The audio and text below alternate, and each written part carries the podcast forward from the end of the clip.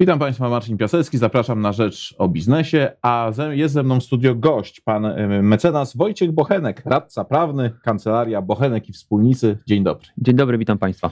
Panie mecenasie, oczywiście będziemy rozmawiać o Frankowiczach i o wy, wy, wyroku Trybunału Sprawiedliwości Unii Europejskiej. Wczoraj pojawiły się, się sygnały takie, że Frankowicze mogą, e, mogą otwierać szampana. Czy to prawda? Jak najbardziej e, jest to powód do dumy dla, dla Frankowiczów, jest to też również bardzo mocny argument dla nich, żeby podjąć, podjąć walkę z bankiem w sądzie. Mm, Wiem, że droga próbowna nie jest tutaj mm, e, dobrze postrzegana, banki jednak nie chcą się godzić, więc faktycznie ten wyrok daje im bardzo mocne postawy ku temu, żeby, żeby móc dochodzić swoich roszczeń na drodze sądowej. Ale są wątpliwości, czy rzeczywiście to są tak bardzo mocne e, podstawy. E, wczorajszy, wczorajszy wyrok różni się od stanowiska rzecznika, rzecznika Trybunału, rzecznika generalnego, które było jednak takie jeszcze bardziej przyjazne Frankowiczom, a tutaj na podstawie tego wczorajszego wyroku pojawiły się jednak pewne e, pewne wątpliwości. Czy mógłby Pan opisać najważniejsze Pana zdaniem punkty e, tego, co e, wczoraj ogłosił CUE właśnie dla Frankowiczów? Oczywiście, jeżeli chodzi tutaj o e, opinię rzecznika danego, faktycznie ona była napisana w bardzo e, prosty, przyjazny i jednoznaczny sposób.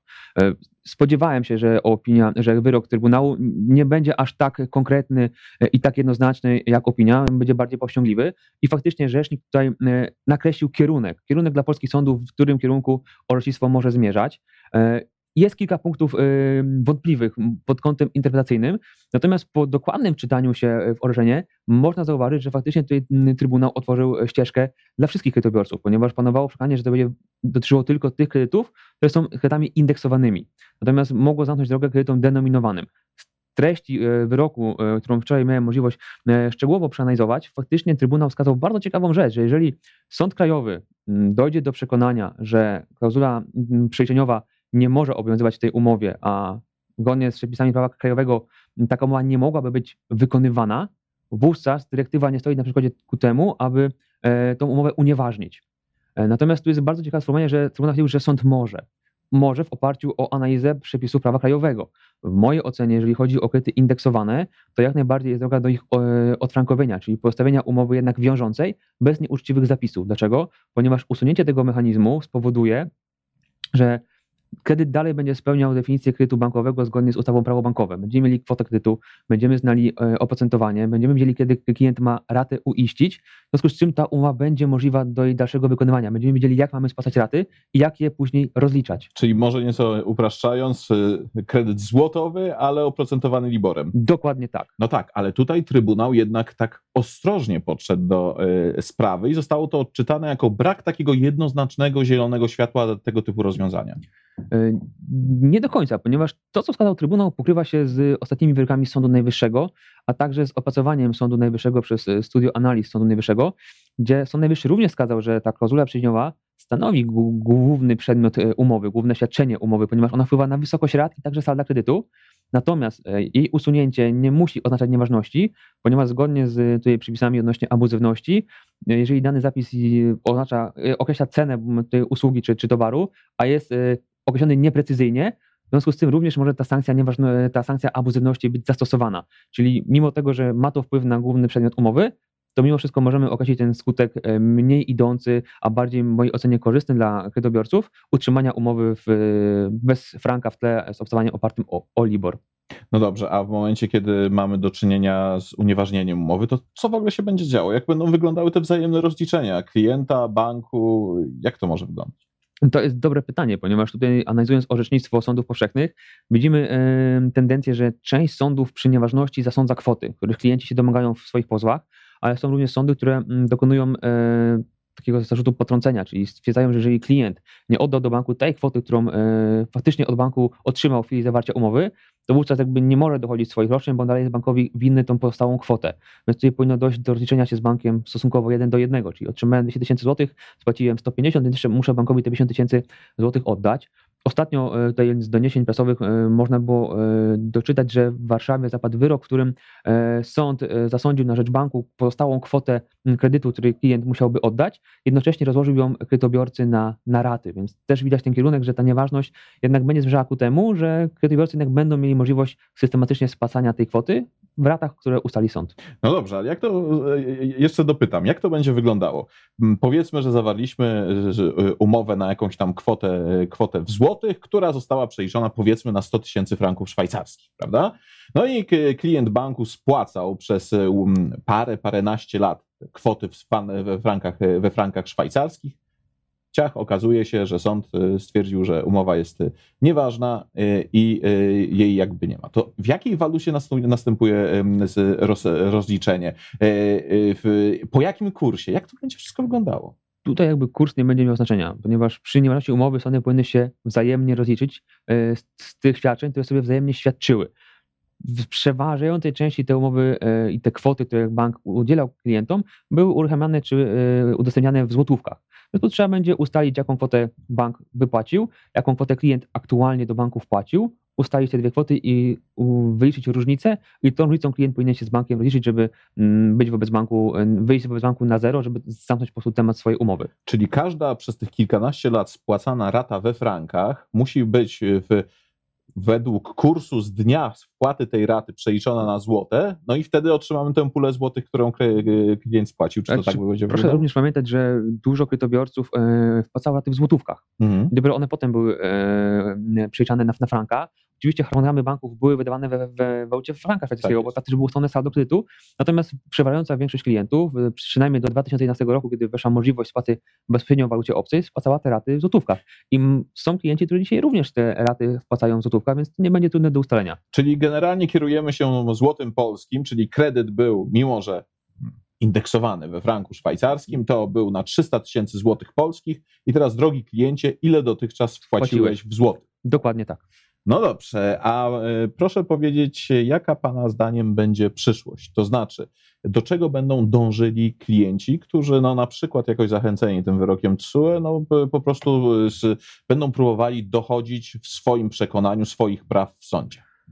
To jest bardzo e, e, istotna kwestia, także to jest kwestia polegająca na wypracowaniu e, tutaj z pełnomocnikiem czy z klientem strategii procesowej. Zawsze trzeba mieć na uwadze interes, że nieważność jednak może pociągnąć za sobą konieczność rozliczenia się z bankiem no określoną kwotą kredytu.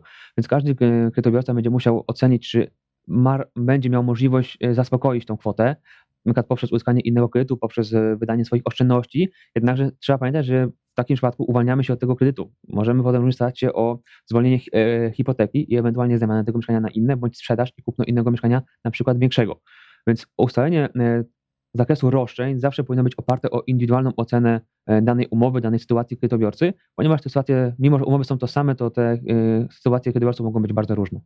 Pojawiły się po wyroku TSUE głosy takie, że banki mogą próbować dochodzić swoich praw względem korzystania z kapitału przez te wszystkie, e, przez te wszystkie lata. Czy pan uznaje to za prawdopodobne? Oczywiście banki mogą takie roszczenia e, formułować, jakby nikim tego nie zabroni. Pytanie, czy te roszczenia będą zasadne. W mojej ocenie e, trudno tutaj mówić o tym, żeby strona umowy, która była autorem wzorców tych umów, które miały wadliwe postanowienia umowne, mogła dochodzić tego typu żądań, skoro to ona odpowiada za tą umowę. Więc ja bym uważał, że te zastrzeżenia będą bezpodstawne. One wydaje mi się, że również nie mają podstawy prawnej w przepisach prawa, ponieważ tutaj możemy się e, analogicznie posiłkować e, e, tym zwrotem świadczeń za bezmowne korzystanie z nieruchomości, natomiast nie, kojarzę, żeby można było dochodzić do tego typu roszczeń w zakresie korzystania z kapitału. Oczywiście odsetki ustawowe mogą wchodzić w grę, ale one były liczone dopiero w mojej ocenie od przypadku, kiedy sąd stwierdzi, że umowa jest nieważna. No właśnie, i wróćmy do kwestii tych y, klauzul abuzywnych i ewentualnej nieważności y, umowy. Czy, to, y, czy może się zdarzyć w ten sposób, że klient występuje do sądu z, no, z, mm, z takim no, z postulatem z wykreślenia z umowy tych, tych klauzul abuzywnych? A czy może się zdarzyć w ten sposób, że sąd, kierując się, bo to też podkreślał TSUE, interesem konsumenta, unieważni umowę w całości? Oczywiście tak się może wydarzyć i to też trzeba podkreślić, że Trybunał nie tylko w naszym orzeczeniu polskim, ale również w orzeczeniach dotyczących spraw węgierskich, rumuńskich czy hiszpańskich wskazywał, że jednak e, Sąd Krajowy powinien poinformować kredytobiorcę o tym, że w umowie są klauzule niedozwolone, że może zaistnieć skutek abuzywności, czyli że umowa będzie, wiązała, będzie wiążąca bez tych zapisów umownych, ale może również się wydarzyć sytuacja, że spowodowanie, że te zapisy są nieuczciwe i umowa bez nich nie może dalej obowiązywać, powoduje nieważność. I sąd tutaj też powinien nakreślić, jakie są skutki jednego i drugiego rozstrzygnięcia. W oparciu o tą informację e, konsument powinien się określić, czy jest w stanie to udźwignąć. E, z mojej praktyki e, sądowej nie, nie miałem takich jeszcze sygnałów, żeby sądy wskazywały na któreś z dwóch rozstrzygnięć. Raczej tutaj jest ta niewiadoma do, do samego końca. Natomiast faktycznie e, kredytobiorca również w ustaleniu z pełnomocnikiem w teście pozwu może już sformułować żądanie, że on chce tą nieważność i można to uargumentować tym, że on jest w stanie udźwignąć e, ewentualny ciężar, e, który spowoduje skutek z tego stwierdzenia tej, tej nieważności, więc to jest zawsze decyzja indywidualna klienta poparta argumentacją prawną plus oczywiście analizą sytuacji i finansowej i materialnej kredytobiorców. A proszę mi powiedzieć, już nieco abstrahując od wyroku TSUE, jak dotychczas wyglądały sprawy właśnie tak zwanych frankowiczów w polskich y, sądach? Bardzo różnie. Ja e, temat e, umów indeksowanych zgłębiam od, e, od początku 2015 roku, czyli kiedy ten, ten temat się nakręcał. E, I faktycznie to towarzystwo w tych, tych pierwszych latach nie było e, korzystne dla, dla kredytobiorców. Ten trend, który zaczyna skutkować tym, że kredytobiorcy wygrywają sprawy w sądach i nawet już wygrywają prawomocnie, co donoszą nam tutaj publikacje medialne, faktycznie powoduje, że, że towarzystwo zaczęło się kształtować korzystniej, korzystniej dla kredytobiorców. Oczywiście te sprawy toczą się wolno, one są dość trudne pod kątem dowodowym, jest dużo, świadków, sporo materiału dowodowego, więc to też jest rozłożone w czasie, ale można zobaczyć, że od połowy zeszłego roku to orzecznictwo zmienia e, trend na korzystny dla kredytobiorców. A proszę mi powiedzieć, zastanowiło mnie jedno z Pana wypowiedzi, dużo świadków. Y, no cóż, przecież mamy umowę z, z bankiem, no jest, jest tam na przykład no, przepis, który budzi głębokie, głębokie wątpliwości, czy, czy też jakieś klauzule abuzywne, no to, to, to wiadomo, po co się świadkowie. No oczywiście to jest zawsze strategia procesowa jednej bądź drugiej strony, więc zawsze się jedna strona dąży do tego, żeby zakończyć sprawę szybko, czyli wnosimy o oddalenie części, części środków dowodowych, które powołuje na przyjemność, czyli tutaj e, bank. Natomiast e, bank, banki działają, mają na celu jakby wydłużenie postępowania, więc im więcej dowodów uda się dopuścić i ich przeprowadzić, no to tym to postępowanie będzie wydłużone w czasie. Proszę mi powiedzieć, jak Pana zdaniem będą się teraz zachowywały banki? Czy na przykład no są też takie przypuszczenia, pojawiły się po wyroku TSUE, że jednak będą próbowały doprowadzić do jakiejś formy ugody z kredytobiorcami? Mogę powiedzieć tylko ze swojego doświadczenia zawodowego, e, gdzie faktycznie kierowałem, kierowaliśmy w kancelarii tej pisma do, e, do banków, żeby rozstrzygnąć tą kwestię polubownie, to raczej spotykamy się ze stanowiskiem negatywnym. Nie mieliśmy sygnału, że banki są gotowe do podjęcia rozmów polubownych. No tak, ale w, w tej chwili kwestia e, tych spraw związanych z kredytobiorcami była, no to była stosunkowo niewielka skala. Mhm. Teraz po wyroku TSUE no może ruszyć się lawina. Pytanie, czy bankom najzwyczajniej w świecie będzie się opłacało yy, wydawać duże pieniądze na każdy pojedynczy proces? Może jednak zapro zaproponują coś klientom wczorajszych debatach, które tutaj miały miejsce po ogłoszeniu wyroków, gdzieś tam ze sektora bankowego padło stwierdzenie, że to jednak nie spowoduje automatyzmu. I jednak klienci, którzy będą chcieli uzyskać swoje roszczenia, będą, będą zobowiązani do tego, żeby wystąpić do tego sądową, więc można tutaj założyć stwierdzenie, że jednak ten automatyzm nie będzie zachowany przez banki i raczej trzeba będzie w indywidualnych postępowaniach dochodzić swoich roszczeń. Więc oczywiście przy napływie dużej e, liczby spraw być może to stanowisko się zmieni, aczkolwiek dzisiaj takich, takich sygnałów nie ma. No dobrze, to co e, klient, kredytobiorca Pana zdaniem powinien teraz, y, teraz zrobić? Przede wszystkim powinien y, szacować swoją umowę, y, sprawdzić, czy faktycznie zapisy, które można uznać za abuzywne w tej umowie występują. Umowy są różne, są umowy indeksowane, denominowane, każda z umów ma troszkę inną konstrukcję prawną, natomiast ten, ten mechanizm jest bardzo zbliżony pod kątem zapisów normatywnych. I powtórzmy, że Pana zdaniem wczorajszy wyrok TSUE również idzie na rękę tym, którzy mają kredyty denominowane, tak? W mojej ocenie tak. Tam, tam wprost Trybunał stwierdził, że jeżeli umowy nie da się dalej wykonywać, no to, to wiąże się z nieważnością umowy. I w przypadku tych umów e, denominowanych faktycznie można założyć, że jeżeli kwota kredytu w umowie jest skana we frankach, oczywiście wypłacona w złotówkach bądź skala wartości franków szwajcarskich, usuniemy mechanizm przeliczający, więc będziemy mieli kwotę i saldo kredytu wyrażone w walucie obcej, raty będą spane w złotówkach, nie będziemy mieli jak tego fizycznie rozliczyć. Więc to powoduje, że, że umowa staje się niewykonalna. Dobrze, to wróćmy do tego klienta banków, czyli pierwsza sprawa, analiza umowy. Analiza umowy, przede wszystkim można zrobić to samodzielnie, można udać się do, do pełnomocnika zawodowego, wybór pełnomocnika zawodowego, tutaj zawsze trzeba bazować na tym, żeby gdzieś ta powstała więź zaufania między pełnomocnikiem a klientem, bo ona jest bardzo istotna podczas prowadzenia tego postępowania. Ta sprawa będzie trwała około dwóch, dwóch, dwóch lat, więc faktycznie tutaj ten kontakt z klientem, pełnomocnikiem jest do, dość częsty.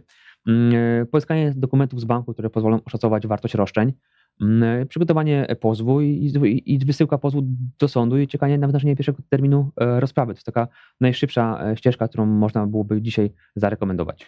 Istnieje przypuszczenie, że sądy się zatkają. Czy tak się może zdarzyć? I, czyli taka opinia mm, oczywiście panuje. Natomiast również należy wziąć pod uwagę, że 7 listopada e, wejdą w życie nowe przepisy, będzie nowelizacja procedury cywilnej. Ta nowelizacja zakłada również możliwość kierowania spraw, spraw z roszczeń bankowych do sądów według właściwości miejscowej kredytobiorcy. Więc kredytobiorcy będą mogli dochodzić swoich roszczeń w sądach, w miastach swojego zamieszkania bądź bliskich, bliskich sądów, które w okolicy swoich, swojego miejsca zamieszkania. Więc faktycznie tutaj dojdzie do pewnego rozproszenia tych spraw na terenie całego kraju. I będzie skutkowało tym, że faktycznie te sądy, które są dzisiaj najbardziej obciążone sprawami kredytów indeksowanych, no, odczują ulgę. Czyli może korka nie będzie. Zakładam, że faktycznie to ten przepis będzie musiał troszkę się ukształtować, ale jest to również e, dobry argument ku temu, żeby faktycznie przyspieszyć rotację spraw. Bardzo dziękuję za rozmowę. Dziękuję Moim również. gościem był pan mecenas Wojciech Bochenek, radca prawdy, kancelaria Bochenek i Wspólnicy.